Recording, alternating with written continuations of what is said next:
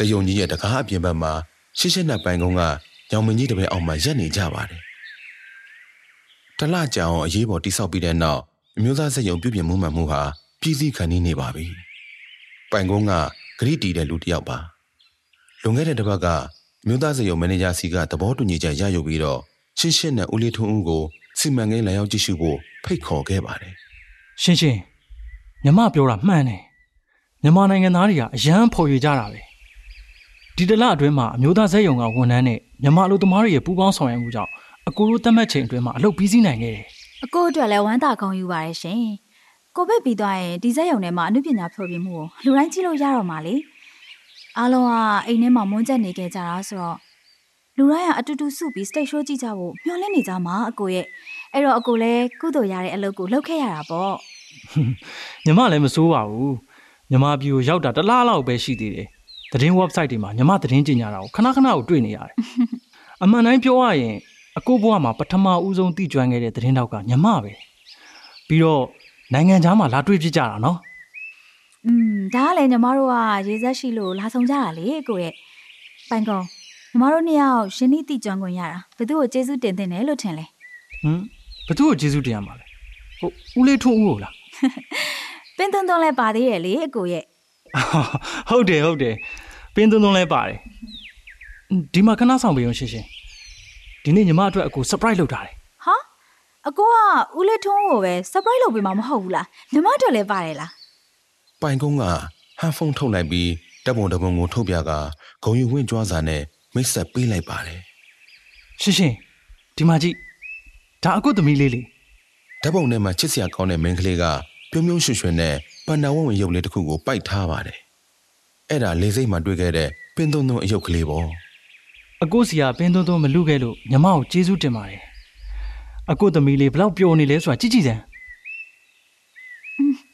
အကိုသမီးလေးကတိတ်ကိုချစ်ဖို့ကောင်းတာပဲနေပေါင်းညီမကိုပေးမဲ့ surprise ကဒါလားမဟုတ်ဘူးခဏလေး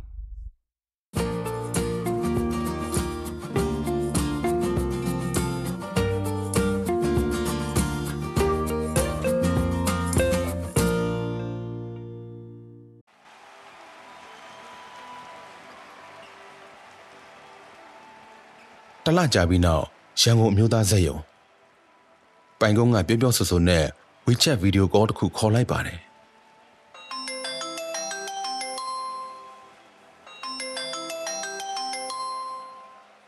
ဖုန်းဝင်သွားတော့ဖုန်းစကရင်ပေါ်မှာအရင်ဆုံးပေါ်လာတာက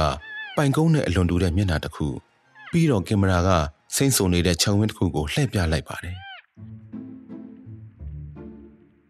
တစ်သားတုံးတစ်ခုနဲ့လှုပ်ထားတဲ့တစ်သားထိုင်ကုန်ပေါ်မှာ ချစ်စရာကောင်းတဲ့ပန္နာဝတ်ဝင်ကြီးတစ်ကောင်ထိုင်နေပြီးတော့ဝစစ်တစ်ခုကိုပိုက်ထားပြီးကြံကြောင်းစားနေတယ်လို့မျိုးအပြင်ကုန်းကိုသွားနဲ့ကြိုက်ခွာပြီးတော့မှအာရပါရစားနေတာကိုမြင်လိုက်ရပါတယ်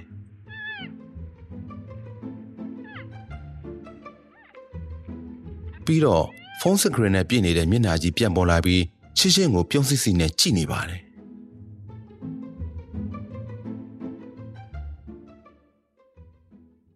ဟာပန်နာဝဝင်ကြီးပဲ ရှင်းရှင်းကဝမ်းသာအားရနဲ့អော်လိုက်ပါတယ်ဖုန်းထဲကလူဟာနည်းနည်းမျက်နှာပူသွားပါတယ်ဟာဗီဒီယိုကောဝင်သွားလားအဲတရင်အောင်ရှင်းရှင်းမင်္ဂလာပါအဲကျွန်တော်နာမည်ကပိုင်ထန်းထန်းပါပိုင်တုံးတုံးရဲ့အကိုဝမ်းခွဲလေညီမကပန်နာဝုံဝင်တွေကိုအရန်သဘောကျရလို့အကိုညီကပြောဘူးတယ်လောင်ဖတိပါလေဒီလားလောင်ဖြောပြောဆူဆူနဲ့ကင်မရာကိုအားရပါရစားနေတဲ့ပန္နာဝဝင်ရှိကိုကတ်လိုက်ပါတယ် ဖတိမလေးလောင်ဒီမှာပိတ်တဲ့အတင်းနဲ့မိတ်ဆက်ပေးရအောင်မယ်ဒီမှာကျန်တရင်အောင်ရှင်းရှင်းကိုနှုတ်ဆက်လိုက်အောင်လေဖတ်တီမလေးလို့ခေါ်တဲ့ပန္နာဝဝင်ကြီးကတိတ်ဘဝင်မကြသလိုပါပဲသူထမင်းစားနေတာကိုလမ်းနောက်ရှက်တာမကြိုက်တဲ့ပုံစံနဲ့ဟန်ဖုန်းကိုလက်နဲ့ပုတ်ချပစ်လိုက်တော့ဖုန်းစကရင်တစ်ခုလုံးချချလဲသွားပါတယ်ရှင်းရှင်းလဲပန္နာဝဝင်ကြီးရဲ့အပြုတ်မှုကြောင့်တခက်ခက်နဲ့ရင်နေမိပါတော့တယ်ဆ ရာပိုင်ဆရာဖုန်းကွဲမသွားပါဘူးနော်ဘာမှဖြစ်ဘူးရတယ်ကိစ္စမရှိဘူးဖတ်တီးမာလေးလက်ချက်နဲ့ဖုန်းကွဲသွားနှလုံးတောင်ရှိပြီစိတ်မရှိနဲ့နော် तू ကထမင်းစားတဲ့အချိန်လာနောက်ချက်တာတိတ်တော့မကြိုက်ဘူးဗျဒါတောင်ဒီနေ့ကြွေးတာ तू အကြိုက်ဆုံးဝဘိုးွားလေခုနမှလင်းနဲ့တရုတ်ပြည်ကနေတဲလာတာအဲ့ဒါတရုတ်ပြည်ဟာဟိုဆရာအခုစီချွန်မှာမဟုတ်ဘူးလားအကိုကအခုမလေးရှားကွာလန်လမ်ဘူကတလိษံဥယျာဉ်မှာပန်တာဝုံဝင် project လာလုပ်နေရလေဒီကိုရောက်တာတစ်နှစ်လောက်တော့ရှိပြီကိုက နောက်၄၅လဆိုစီချွန်ကိုပြန်ရတော့မှာအကိုညီကဒီတစ်ခေါက်မြန်မာပြည်ကိုအလုပ်ကိစ္စခရီးသွားတာညီမစီကအကူကြီးတဲ့အများကြီးရခဲ့လို့ပြောတယ်ညီမတရုတ်ပြည်ကိုပြန်ရောက်ရင်အကိုတို့စီမှာတွဲဆုံမင်းမြန်ကန်လာလို့စကားပြောလို့မဆုံးသေးခင်မှာပဲမှန်သားပြင်ပေါ်ကပုံရိပ်ဟာတုန်ခါလာပြန်ပါတယ်ကင်မရာကိုအောက်ကိုရွှေ့ပြလိုက်တော့ဖတ်တီးမလေးကစားလို့ဝသွားပြီးသူ့ကိုပန်ထန်းထန်းကအရေးမလုပ်ပဲနဲ့ချားလူနဲ့စကားပြောနေတာကိုမကျေနပ်လို့လက်နှစ်ဖက်နဲ့ပန်ထန်းထန်းရဲ့ခြေထောက်ကိုအတင်းလှုပ်နေပါတယ် ဟွန်းဒီဖက်တီးမလေးရောတစ်ချက်မှအငြိမ်မနေဘူးသတင်းတော့ရှင်းရှင်းရေအကိုတို့နောက်မှပဲပြောတော့မယ်နော်ချန်တူရောက်မှတွေ့ကြမယ်နော်စကားဆုံးတာနဲ့ဖုန်းကျသွားပါတော့တယ်အဲ့ဒီဖတ်တီးမလေးကိုညီမလေးအရန်ဖတ်ထားချင်တာပဲကျေးဇူးရဲ့နော်ပိုင်ကုန်းရှင်းရှင်းကပိုင်ကုန်းကိုဖုန်းပြန်ပေးလိုက်ပါတယ်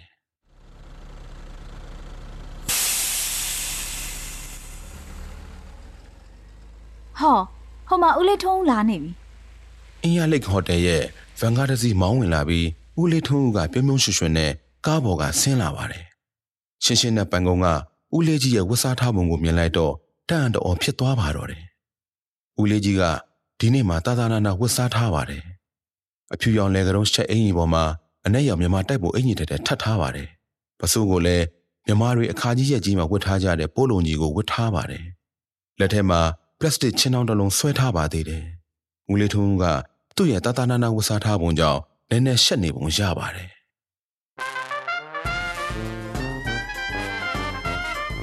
ကိုဗစ်ဖြစ်ပြီးတဲ့နောက်ပိုင်းတွေကအမျိုးသားစက်ရုံမဝင်ဖြစ်တာနှစ်နှစ်ရှိတော့မယ်။ဒါကမင်းတို့စားဖို့အတွက်ယူလာတာ။ဟိုတယ်ပေါင်မုတ်ဖိုကနေအခုမှထုတ်လာတဲ့ပေါင်မုတ်တွေ။ပိုင်ကုန်းကပေါင်မုတ်တွေအများကြီးထည့်ထားတဲ့ချင်းတောင်းကိုလှမ်းယုံလိုက်ပြီးဦးလေးကြီးနဲ့ရှင်းရှင်းနဲ့အတူ ဒကမကြီးကကိုပူချိန်တန်ကြရိယာရှိကဖြတ်လျှောက်သွားလိုက်ပါတယ်။ပိုင်ကုန်းကအမျိုးသားစေုံနဲ့ဝင်တဲ့လေကတစ်ဘော်ကတက်ရင်ရှင်းရှင်းကိုတိုးတိုးလေးမဲမိလိုက်ပါတယ်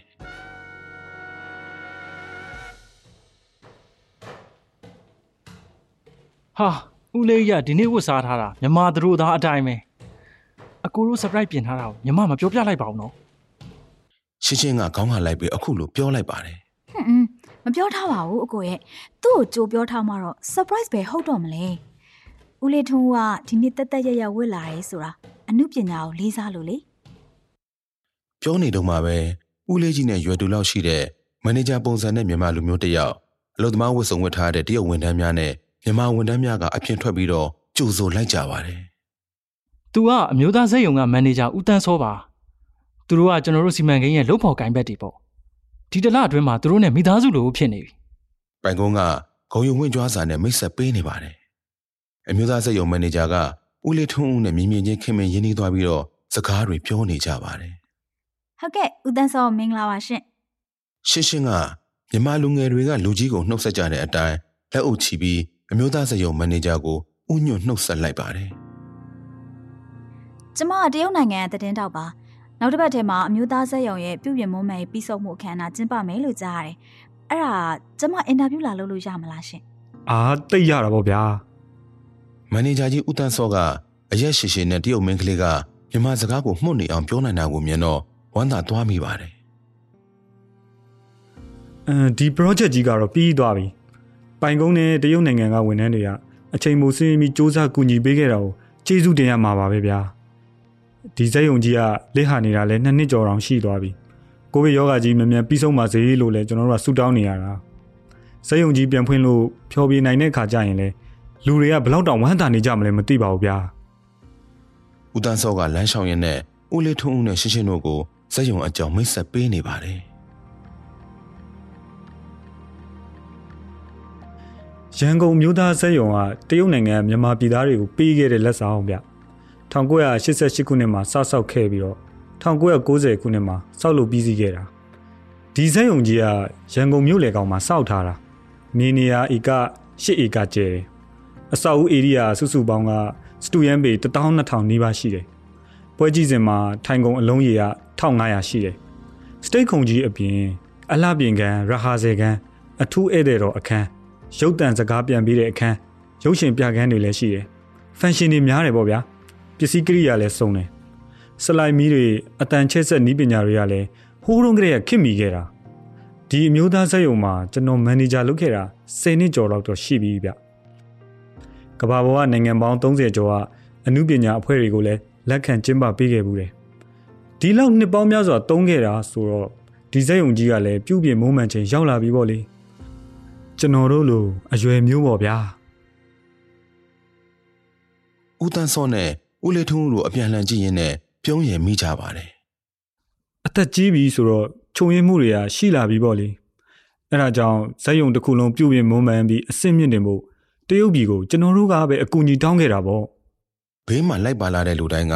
ဦးတန်းစောရဲ့စကားကိုနားထောင်ရင်းဇေယုံကြီးကိုလေးလာကြည့်နေကြချိန်ဦးလေးထွန်းဦးကအလှပြင်ခန်းထဲမှာတော်တော်ကြာအောင်ရက်ပြီးတော့စကားမပြောဘဲမှန်ထဲမှာသူ့ရုပ်သူပြန်ကြည့်နေတာကိုရှင်းရှင်းနဲ့ပိုင်ကုန်းတို့ကသတိထားမိလိုက်ကြပါတယ် အစ်စ်လဲထားတဲ့မှန်တင်ကုန်းကိုကန်ကြည့်ရင်းနဲ့ပါဇက်ကလည်းတီတိုရေရွတ်လိုက်မိပါတယ် green room ဦးတန်းစောကတန်တော်နဲ့ပြောလိုက်မိပါတယ်ဟာခမရဆရာပဲဗျအလှပြင်ကန်းကိုအရင်တော့က green room လို့ခေါ်ရဲဆိုတာအခုကလူသိနေသွားပြီကျွန်တော်ဖေတင်ပေးခဲ့တာပါကျွန်တော်ငယ်တော့ကစင်ပေါ်မှာအဖေဖြော်ပေးပြီးသွားတိုင်းအလှပြင်ကန်းထဲမှာကျွန်တော်အဖေကိုကျွန်တော်သွားရှာတယ်လေဘာလို့သွားရှာလဲဆိုတော့သူ့အမာကန်ပရိသတ်တွေကအ ခုခေတ်ခေါ်ဝင်နေဆိုဖန်ပေါ့ဗျာသူတို့ကစားစရာတွေနဲ့ပန်းစည်းတွေလာပေးတတ်ကြတာဟုတ်ကျွန်တော်မှတ်မိပါသေးတယ်ကျွန်တော်အဖေပေါင်းပေါ်မှာကျွန်တော်ထိုင်ပြီးတော့သူ့ပရိသတ်တွေပေးတဲ့ချောကလက်ကိုစားရင်းနဲ့အလှပြကန်းကိုဘာကြောင့် green room လို့ခေါ်တာလဲဆိုတော့သူရှင်းပြနေတော့နားထောင်ခဲ့ဘူးတယ်ဦးလေးထွန်းဦးကရှင်းရှင်းကိုတစ်ချက်ကြည့်ပြီးတော့အခုလိုပြောလိုက်ပါတယ်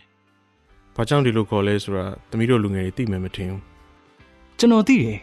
ရှင်းရှင်းစကားပြန်ပေးတာကိုနားထောင်နေတဲ့ပိုင်ကုန်းကစကားဝင်ပြောလိုက်ပါတယ်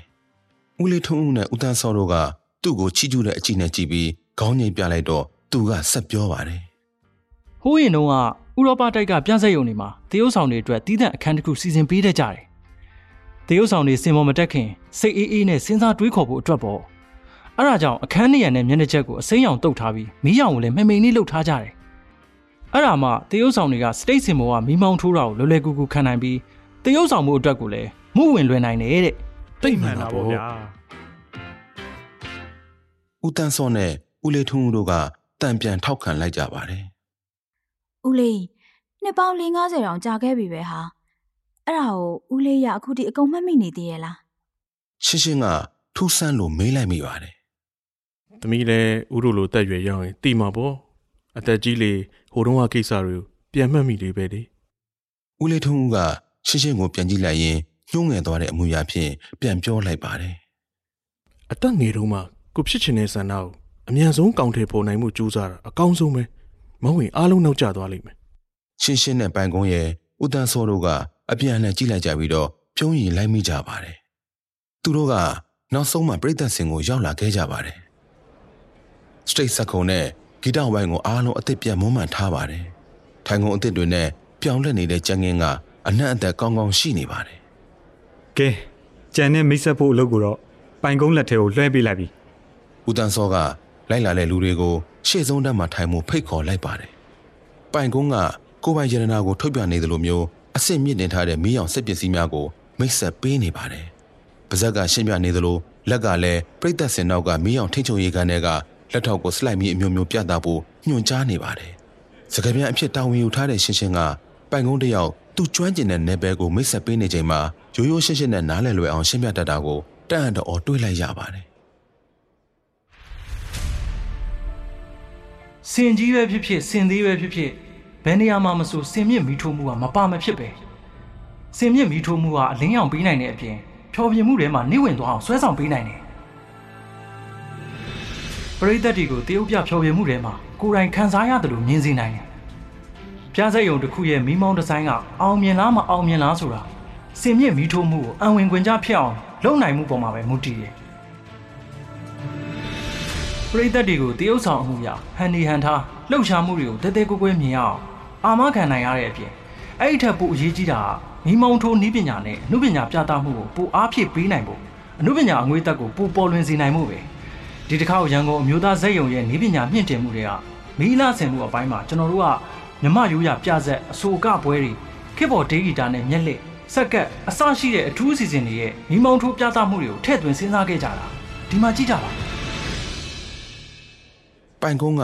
အနောက်ဘက်ကိုလက်အံချင်းအံပြလိုက်တော့အလင်းနဲ့တစ်ခုကစတိတ်စက်ခုံပေါ်ထိုးကျလာပါတယ်ဒါကမီးမောင်းထိုးပြတာပါအလင်းနဲ့အကြီးသေးကိုချိန်ညှိပြီးတော့မီးမောင်းထိုးပြတဲ့အလင်းနဲ့စုစည်းမှုပိုရှိအောင်လုပ်နိုင်တယ်ဒီလိုပြောလိုက်ပြီးအချက်ပြလိုက်တော့စတိတ်စက်ခုံမှာ အလင်းရောင်ဖြော့မီးအလင်းရောင်လွှမ်းမိုးသွားပါတယ်ဒါကတော့အယောင်ဖြော့မီးပါအလင်းပြန့်နှံ့မှုဧရိယာကျဲတယ်မီးလုံးတက်ဆင်ထားတဲ့နေရာကဇက်ခုံနဲ့နီးတယ်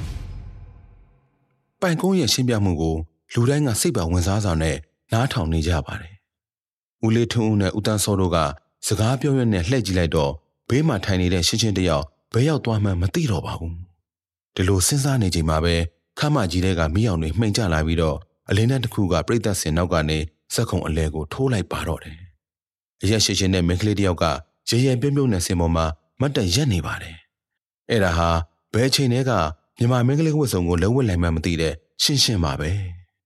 ကျမတို့ရန်ကုန်အမျိုးသားစက်ရုံမှာလာရောက်ကြည့်ရှုခွင့်ပေးခဲ့မန်နေဂျာဦးတန်းစောကိုကျမတကယ်ပဲကျေးဇူးတင်ပါတယ်။ကျမနဲ့ပိုင်ကုန်းရဲ့တောင်းဆိုမှုအရဦးလေးထွန်းကိုဒီနေရာစတိတ်ဇက်ခုံပေါ်မှာတီဆိုဖျော်ဖြေခွင့်ပေးခဲ့တာကိုလည်းပို့ပြီးတော့တာအောင်မှကျေးဇူးတင်ပါတယ်။ ဦးလေးထွန်းကကျမနဲ့ပိုင်ကုန်းကိုအများကြီးကူညီပေးခဲ့လို့အမျိုးသားစက်ရုံရဲ့ပြုပြင်မွမ်းမံရေး project ကိုလည်းအချိန်မီပြီးစီးနိုင်ခဲ့တာပါ။ဦးလေးထွန်းကိုစင်မော်တက်ခဲ့ဖို့ဖိတ်ခေါ်ပါရရှင်။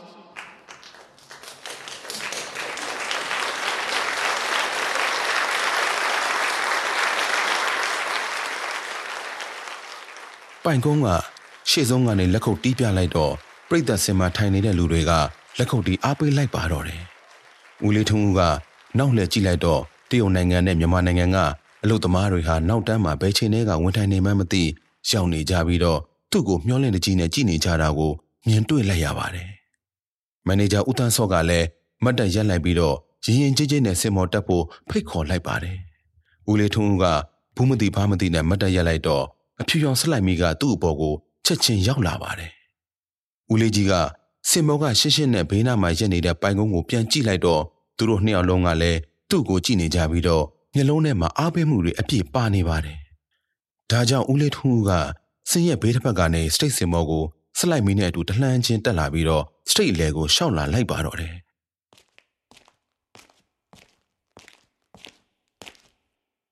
ရှင်းရှင်းလက်ထဲကမိုက်ခရိုဖုန်းကိုလှမ်းယူလိုက်တော့ခမ်းမကြီးထဲမှာဇင်းရောတချင်းရဲ့တာယာညံ့ညောင်းသောတန်စင်ထွက်ပေါ်လာပါတော့တယ်။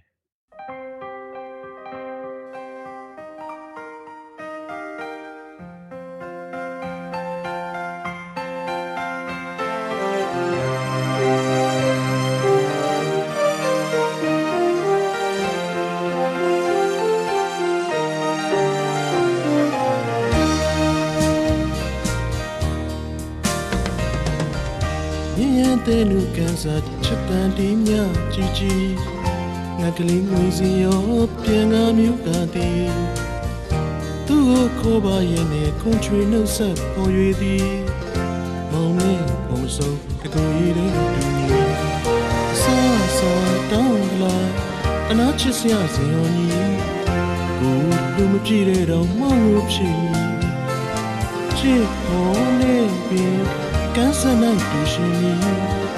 မောင်မမကလေးဖေက ဖေကကျွေးလိုက်ချင်ပြီ